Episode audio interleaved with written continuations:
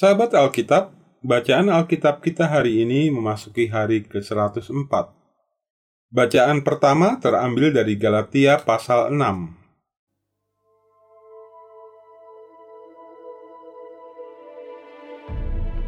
Saudara-saudara, kalaupun seorang kedapatan melakukan suatu pelanggaran, maka kamu yang rohani harus memimpin orang itu ke jalan yang benar dalam roh lemah lembut sambil menjaga dirimu sendiri supaya kamu juga jangan kena pencobaan. Bertolong-tolonganlah menanggung beban demikianlah kamu memenuhi hukum Kristus. Sebab kalau seorang menyangka bahwa ia berarti, padahal ia sama sekali tidak berarti, ia menipu dirinya sendiri. Baiklah tiap-tiap orang menguji pekerjaannya sendiri, maka ia boleh bermegah melihat keadaannya sendiri dan bukan melihat keadaan orang lain. Sebab tiap-tiap orang akan memikul tanggungannya sendiri. Dan baiklah dia yang menerima pengajaran dalam firman. Membagi segala sesuatu yang ada padanya dengan orang yang memberikan pengajaran itu. Jangan sesaat. Allah tidak membiarkan dirinya dipermainkan. Karena apa yang ditabur orang itu juga yang akan dituainya. Sebab barang siapa menabur dalam dagingnya, ia akan menuai kebinasaan dari dagingnya. Tetapi barang siapa menabur dalam roh, ia akan menuai hidup yang kekal dari roh itu. Janganlah kita jemu-jemu berbuat baik, karena apabila sudah datang waktunya, kita akan menuai jika kita tidak menjadi lemah.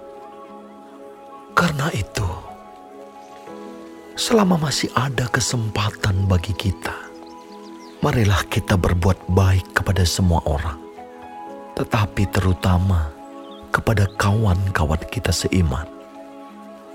Lihatlah bagaimana besarnya huruf-huruf yang kutulis kepadamu dengan tanganku sendiri. Mereka yang secara lahiriah suka menonjolkan diri. Mereka lah yang berusaha memaksa kamu untuk bersunat. Hanya dengan maksud supaya mereka tidak dianiaya karena salib Kristus. Sebab mereka yang menyunatkan dirinya pun tidak memelihara hukum Taurat. Tetapi mereka menghendaki supaya kamu menyunatkan diri agar mereka dapat bermegah atas keadaanmu yang lahiriah. Tetapi aku sekali-kali tidak mau bermegah. Selain dalam salib Tuhan kita Yesus Kristus. Sebab olehnya dunia telah disalibkan bagiku. Dan aku bagi dunia. Sebab bersunat atau tidak bersunat tidak ada artinya. Tetapi menjadi ciptaan baru. Itulah yang ada artinya semua orang yang memberi dirinya dipimpin oleh patokan ini. Turunlah kiranya damai sejahtera dan rahmat atas mereka dan atas Israel milik Allah. Selanjutnya, janganlah ada orang yang menyusahkan aku, karena pada tubuhku ada tanda-tanda milik Yesus kasih karunia Tuhan kita Yesus Kristus menyertai roh kamu, saudara-saudara. Amin.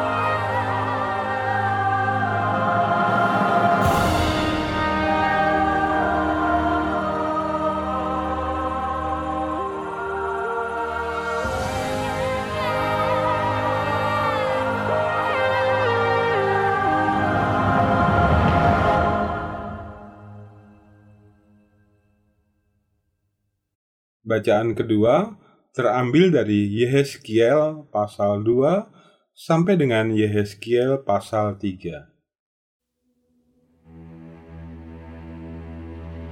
Firman-Nya kepadaku, Hai anak manusia, bangunlah dan berdiri, karena aku hendak berbicara dengan engkau. Sementara ia berbicara dengan aku, kembalilah rohku ke dalam aku, dan ditegakkannya aku. Kemudian, aku mendengar dia yang berbicara dengan aku. Firman-Nya kepadaku, Hai anak manusia, aku mengutus engkau kepada orang Israel, kepada bangsa pemberontak yang telah memberontak melawan aku mereka dan nenek moyang mereka telah mendurhaka terhadap aku sampai hari ini juga. Kepada keturunan inilah yang keras kepala dan tegar hati, aku mengutus engkau dan harus kau katakan kepada mereka, beginilah firman Tuhan Allah. Dan baik mereka mendengarkan atau tidak, sebab mereka adalah kaum pemberontak. Mereka akan mengetahui bahwa seorang nabi ada di tengah-tengah mereka. Dan engkau, anak manusia, janganlah takut melihat mereka maupun mendengarkan kata-katanya. Biarpun engkau di tengah-tengah onak dan duri, dan engkau tinggal dekat kala jengking, Janganlah takut mendengarkan kata-kata mereka, dan janganlah gentar melihat mukanya, sebab mereka adalah kaum pemberontak. Sampaikanlah perkataan-perkataanku kepada mereka, baik mereka mau mendengarkan atau tidak, sebab mereka adalah pemberontak. Dan engkau, anak manusia, dengarlah apa yang kufirmankan kepadamu. Janganlah memberontak seperti kaum pemberontak ini. Ngangakanlah mulutmu dan makanlah apa yang kuberikan kepadamu. Aku melihat sesungguhnya ada tangan yang terulur kepadaku. Dan sungguh, dipegangnya sebuah gulungan kitab. Lalu dibentangkannya di hadapanku. Gulungan kitab itu ditulisi timbal balik, dan di sana tertulis nyanyian-nyanyian ratapan, keluh kesah, dan rintihan.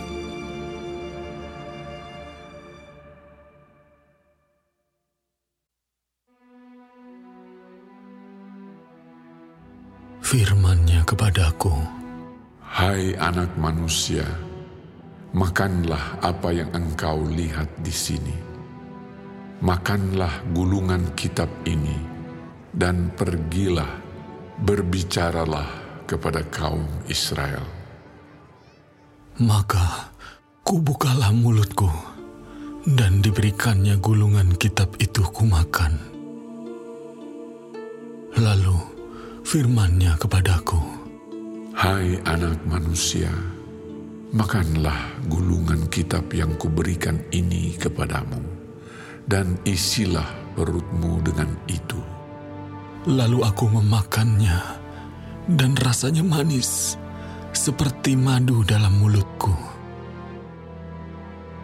Firman-Nya kepadaku, Hai anak manusia, mari, pergilah dan temuilah kaum Israel dan sampaikanlah perkataan-perkataanku kepada mereka.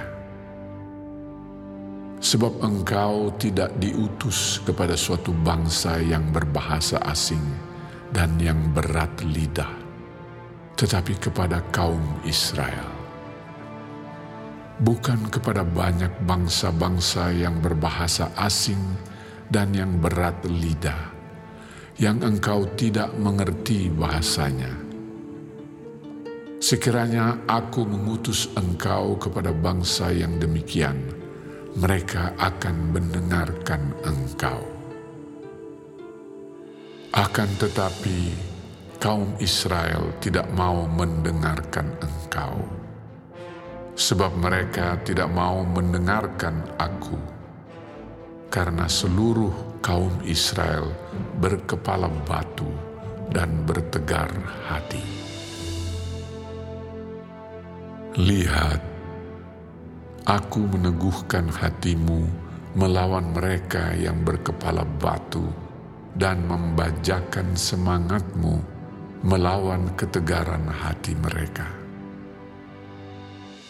Seperti batu intan yang lebih keras daripada batu, kuteguhkan hatimu. Janganlah takut kepada mereka, dan janganlah gentar melihat mukanya, sebab mereka adalah kaum pemberontak. Selanjutnya, firman-Nya kepadaku, Hai anak manusia, perhatikanlah segala perkataanku yang akan kufirmankan kepadamu, dan berikanlah telingamu kepadanya. Mari, pergilah dan temuilah orang-orang buangan, teman sebangsamu, berbicaralah kepada mereka dan katakanlah, Beginilah firman Tuhan Allah, baik mereka mau mendengarkan atau tidak. maka roh itu mengangkat aku. Dan aku mendengar di belakangku suatu suara gemuruh yang besar. Tatkala kemuliaan Allah naik ke atas dari tempatnya, yakni suara dari sayap-sayap makhluk-makhluk hidup yang menggesek satu sama lain. Dan di samping itu, suara gemertak dari roda-roda. Suatu suara gemuruh yang besar. Dan roh itu mengangkat dan membawa aku. Dan aku pergi dengan hati panas dan dengan perasaan pahit. Karena kekuasaan Tuhan memaksa aku dengan sangat. Demikianlah aku datang kepada orang-orang buangan yang tinggal di tepi sungai Kebar di Tel Abib. Dan di sana aku duduk tertegun di tengah-tengah mereka selama tujuh hari. Sesudah tujuh hari, datanglah firman Tuhan kepadaku. Hai anak manusia, aku telah menetapkan engkau menjadi penjaga kaum Israel. Bila mana engkau mendengarkan sesuatu firman daripadaku, peringatkanlah mereka atas namaku. Kalau aku berfirman kepada orang jahat, engkau pasti dihukum mati dan engkau tidak memperingatkan dia atau tidak berkata apa-apa untuk memperingatkan orang jahat itu dari hidupnya yang jahat, supaya ia tetap hidup. Orang jahat itu akan mati dalam kesalahannya, tetapi aku akan menuntut pertanggungan jawab atas nyawanya daripadamu. Tetapi jikalau engkau memperingatkan orang jahat itu, dan ia tidak berbalik dari kejahatannya dan dari hidupnya yang jahat, ia akan mati dalam kesalahannya. Tetapi engkau telah menyelamatkan nyawamu.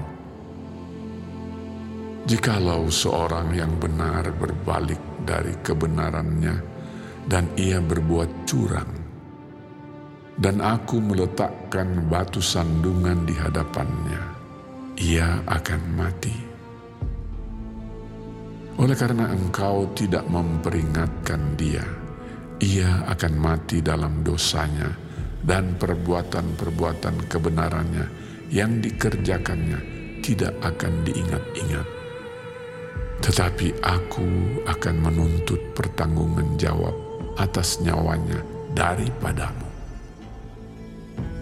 Tetapi jikalau engkau memperingatkan orang yang benar itu supaya ia jangan berbuat dosa, dan memang tidak berbuat dosa, ia akan tetap hidup, sebab ia mau menerima peringatan, dan engkau telah menyelamatkan nyawamu.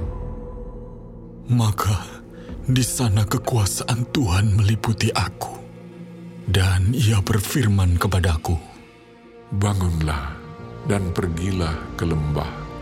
Di sana aku akan berbicara dengan engkau. Aku bangun dan pergi ke lembah. Sesungguhnya di sana kelihatan kemuliaan Tuhan, seperti kemuliaan yang telah kulihat di tepi sungai Kebar. Dan aku sujud. Tetapi masuklah roh ke dalam aku dan ditegakkannya aku. Lalu ia berbicara dengan aku. Katanya, Pergilah pulang, kurunglah dirimu di dalam rumahmu.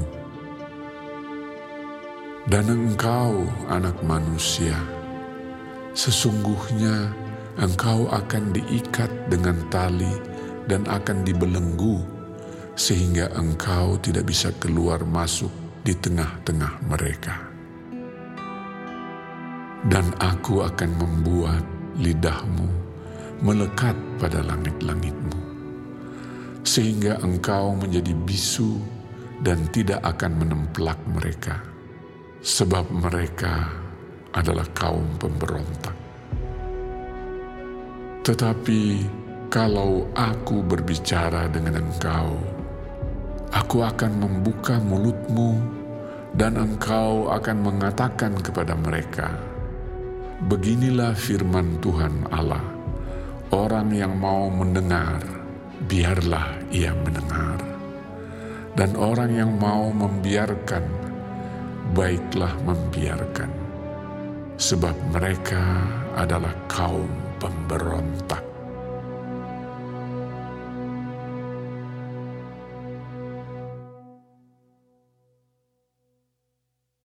Bacaan ketiga terambil dari Mazmur pasal 149.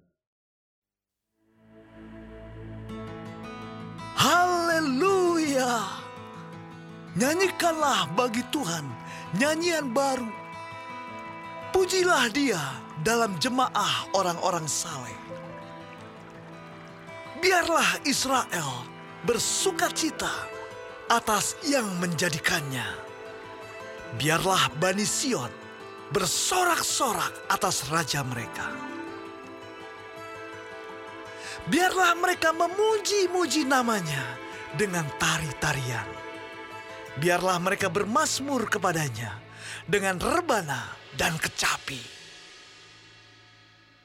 Sebab Tuhan berkenan kepada umatnya. Ia memahkotai orang-orang yang rendah hati dengan keselamatan. Biarlah orang-orang saleh beria-ria dalam kemuliaan. Biarlah mereka bersorak-sorai di atas tempat tidur mereka. Biarlah pujian pengagungan Allah ada dalam kerongkongan mereka, dan pedang bermata dua di tangan mereka untuk melakukan pembalasan terhadap bangsa-bangsa penyiksaan-penyiksaan terhadap suku-suku bangsa untuk membelenggu raja-raja mereka dengan rantai dan orang-orang mereka yang mulia dengan tali-tali besi untuk melaksanakan terhadap mereka hukuman seperti yang tertulis. Itulah semarak bagi semua orang yang dikasihinya. Haleluya.